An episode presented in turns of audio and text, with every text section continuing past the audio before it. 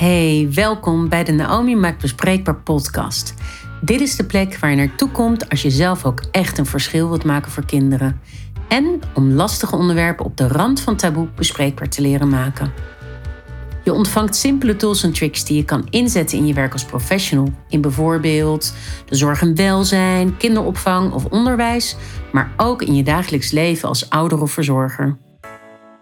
Ik ben Naomi Dessauer en mijn missie is een wereld waarin alle kinderen gezond en veilig kunnen opgroeien. Waarin ze ook echt alle kansen krijgen zich te ontwikkelen, kinderen kind kunnen zijn, een stem hebben, zich geliefd maar ook gesteund voelen. En wil je misschien meer weten? Nou, neem dan gerust eens een kijkje als ouder op naomimaakbespreekbaar.nl en als professional op dessauertrainingen.nl. Voor nu wens ik je ontzettend veel luisterplezier.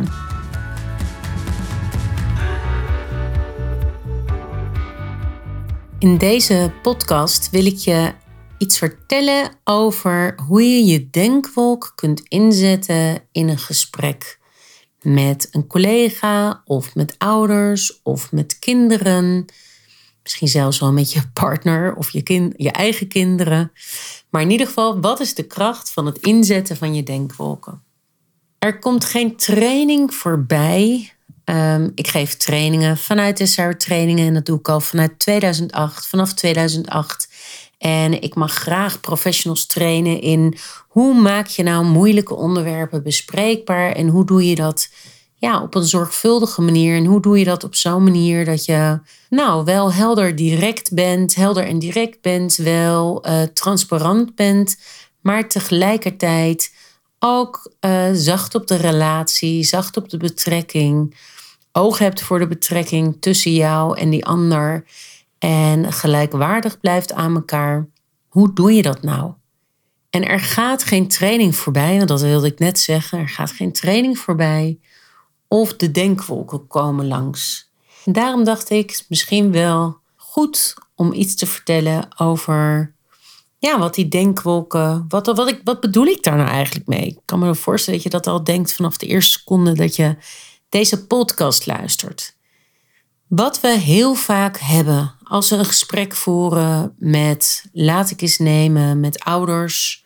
En we hebben een vermoeden van huiselijk geweld of kindermishandeling. Dat is het thema waar ik de meeste trainingen uh, over geef aan professionals. Stel, uh, je hebt als professional een gesprek met ouders en je denkt aan het begin van het gesprek, ja, ik ga vermoeden delen met ouders over zorgen die ik heb en een vermoeden van huiselijk geweld of kindermishandeling delen. En die ouders die denken vast, oh, waar bemoeit die vrouw zich mee?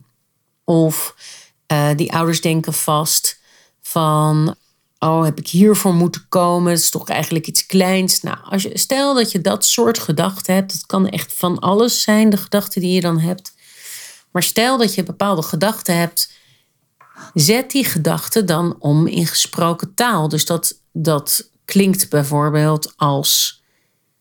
Nou, laten we even een voorbeeld nemen. Stel, je werkt op een school en je hebt zorgen over een kind wat heel vaak moe oogt. Ik zit het ondertussen te bedenken, dus je hoort me denken waarschijnlijk. Dit is trouwens een voorbeeld van een denkvolk. Ik denk, oh, wat ben ik stil. En ik denk, oh, jullie denken daar vast van alles over. En in plaats van dat ik dat alleen maar denk en uh, nou, daarop ga handelen, zet ik het om in gesproken taal. Dus ik zeg tegen jullie, tegen jou als luisteraar. Ik ben even aan het, een beetje aan het nadenken. Ik heb niet, niet, niet van tevoren bedacht. Dus nou, daar geef ik eigenlijk een inkijkje in wat ik denk. En ik zet dus mijn gedachten om in gesproken taal. En dat zorgt hopelijk voor verbinding. En het maakt ook dat je snapt waarom ik even nadenk. Het maakt ook dat je snapt waarom ik even, nou, uh, niet zo glad praat, maar even een beetje aan het, mm, aan het nadenken, wat stiltes laat vallen, noem maar op.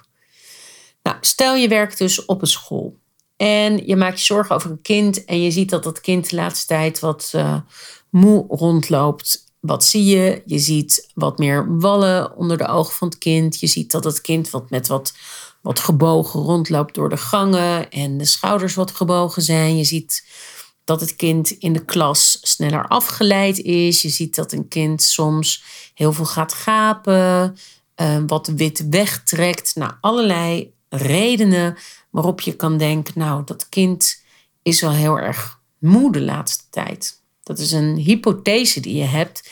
En ik zou me zomaar kunnen voorstellen dat als jij op school leerkracht bent, of je bent bijvoorbeeld de intern begeleider, een leerkracht heeft het met je gedeeld. Ik hoop dat de leerkracht dit zelf durft te delen, overigens, maar stel je voor dat, dan zou je dat natuurlijk bespreekbaar kunnen maken met ouders. Dan heb je nog niet per se een vermoeden van huisgeweld of kindermishandeling overigens. Dit gaat echt om vroegsignalering. Maar op zo'n moment zou je, stel dat je het gesprek begint, zou je kunnen zeggen: Goh, uh, wat fijn dat jullie gekomen zijn. En er is iets wat me de laatste tijd opvalt in de klas. Stel nou dat jij als gedachte hebt, ja, die ouders denken vast, waarom is dit zo belangrijk voor die vrouw? Of ja, is dit nou eigenlijk wel zo groot? Of nou, je hebt er bepaalde gedachten over. Dan is het dus mooi als je die gedachten taal aan kan wijden. Dus dan zou je bijvoorbeeld zoiets kunnen zeggen van, nou, ik kan me voorstellen dat jullie denken, goh, zo'n groot ding is dit niet. Maar ik vond het toch belangrijk genoeg, en het is iets wat me echt al langere tijd opvalt.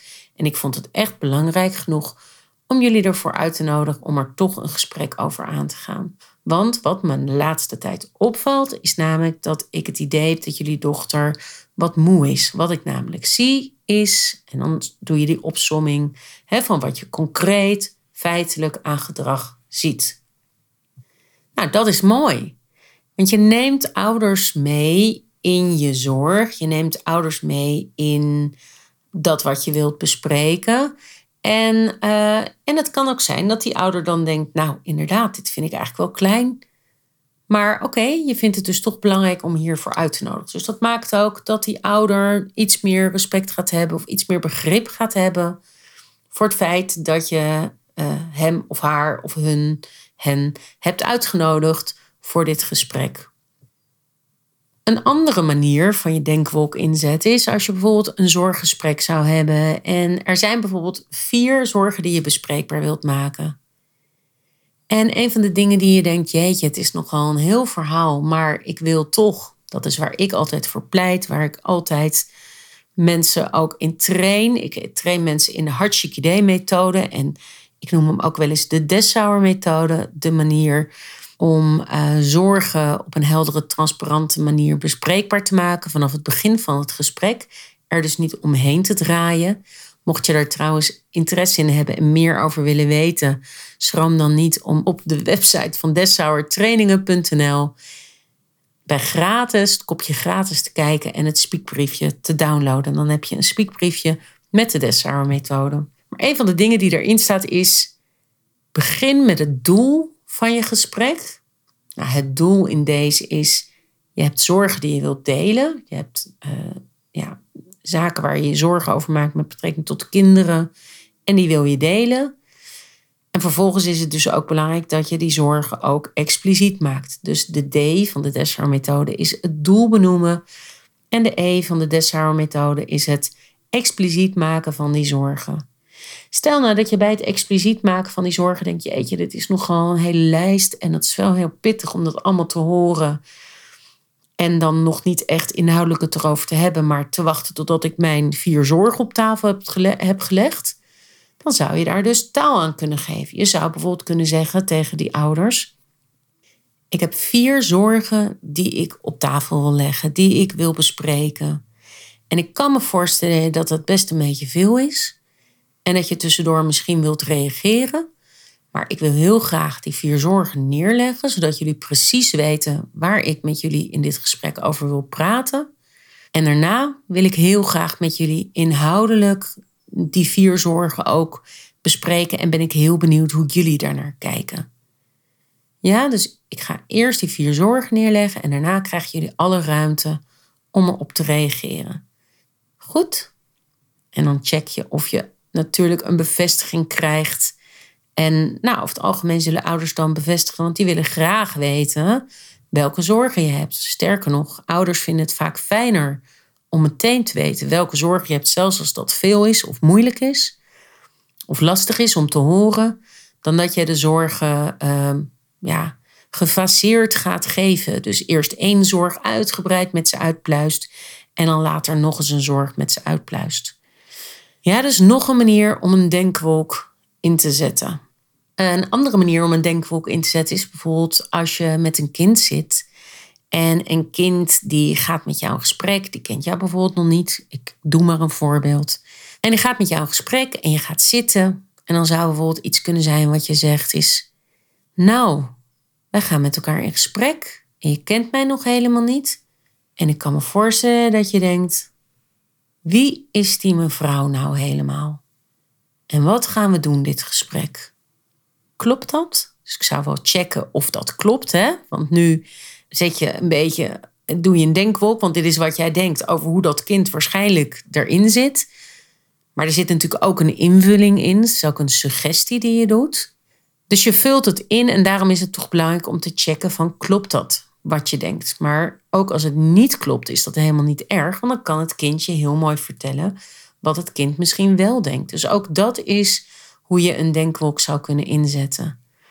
Ja, dus als het een denkwolk is waarin je iets denkt over de ander en je vult het in, is het heel belangrijk dat je dat dus checkt en niet aanneemt. Net als dat we samenvattingen ook moeten checken, die moet je doen, of moet je doen. Het is mijn advies om die te doen tijdens een gesprek. En dat alleen maar mooi is als een samenvatting niet klopt, omdat de ander je dan kan vertellen wat er niet aan klopt en je eigenlijk meer informatie kan geven. Ja, nou, ik kan hier nog best wel lang over doorpraten, maar voor nu denk ik dat dit wel genoeg is. Het belangrijkste wat ik je heb gegeven is, of wat ik je dit, dit, deze podcast eigenlijk wil meegeven, is zet denkwolken in. Zet je denkwolk om in gesproken taal. Geef op die manier een inkijkje in wat jij denkt. En uh, het is ook een manier om verbinding te maken met degene met wie je in gesprek bent het geeft woorden aan wat je denkt en het geeft ook, uh, soms kun je daardoor ook woorden geven aan dat wat een ander denkt. Zeker bij kinderen is het soms fijn om ook woorden te geven, omdat ze die woorden zelf nog niet zo machtig zijn. En in mijn optiek is het een enorme verbinder en um, zorgt het er ook voor dat je ja, dat je echt tot gesprek komt en dat je van mens tot mens met elkaar in gesprek kunt zijn. En dat iemand ook in zijn hoofd als het ware op aangaat. Op aangaat om dat gesprek met je aan te gaan. Dus het heeft ook iets met de commitment te maken die je met elkaar aangaat. Dus ja, je laat ook zien, ik zie jou echt. Je laat ook zien, ik vind het belangrijk om dit gesprek met je aan te gaan. Ik vind het belangrijk om je mee te nemen in niet alleen het proces in dit gesprek, maar ook het proces in mijn hoofd, in mijn gedachten. En dat is denk ik heel erg mooi, wat zorgt voor absolute verbinding tijdens soms enorm ingewikkelde, uh, lastige gesprekken. Nou, ik ben heel erg benieuwd of jij wel eens een denkwolk inzet. Of dat dit je misschien aan het denken heeft gezet. En wat, wat je denkt dat daar het effect van zou kunnen zijn. Ja, laat me dat even weten in de reactie op deze podcast. En uh, ja, succes met het inzetten van je denkwolk. Nou, mocht je nou interessant vinden om meer te weten over die Dessauer methode. Ik heb nu natuurlijk alleen maar de eerste twee letters van de Dessauer methode benoemd. Ja, download dan eventjes gratis. Het is gewoon gratis. Het speakbriefje van dessauertrainingen.nl en bij het kopje gratis. Oké, nou, hele mooie, goede gesprekken gewenst. En uh, ga ze niet uit de weg, maar ga ze aan. Dank je wel voor het luisteren naar de Naomi Maakt Bespreekbaar podcast. Ik hoop dat ik je heb kunnen inspireren en concrete tips heb kunnen meegeven waarmee je gelijk een verschil gaat maken. Ik maak deze podcast omdat ik geloof in het delen van kennis. En ik er ook in geloof dat de maatschappij als geheel hier beter van wordt. Zodat uiteindelijk alle kinderen nog veiliger en gezonder kunnen opgroeien. En ook jij hoeft het trouwens niet helemaal alleen te doen. Dus ben je een ouder of verzorger? Kijk dan eens op naomimaakbespreekbaar.nl of ga naar de Facebookpagina Naomi Maakt Bespreekbaar. Hier deel ik heel veel informatie. Kun je webinars volgen en vind je de blogs die ik in de afgelopen jaren heb geschreven. En ben jij misschien een professional? Snuffel dan eens tussen het gratis aanbod op deshouwertrainingen.nl en download bijvoorbeeld een van de concrete tools die ik speciaal voor jou heb ontwikkeld. Doe er echt je voordeel mee. Ook zou ik het super tof vinden als je me laat weten wat je van deze aflevering vond. En deze bijvoorbeeld deelt met mensen uit je omgeving. En ben je misschien benieuwd naar de volgende afleveringen? Abonneer je dan op deze podcast in je favoriete podcast-app. En luister je via iTunes? Laat dan ook een review achter. Zo maken we lastige onderwerpen nog meer bespreekbaar en kunnen andere mensen mij beter vinden. En voor nu wil ik je nog één vraag meegeven. Welk verschil ga jij vandaag maken?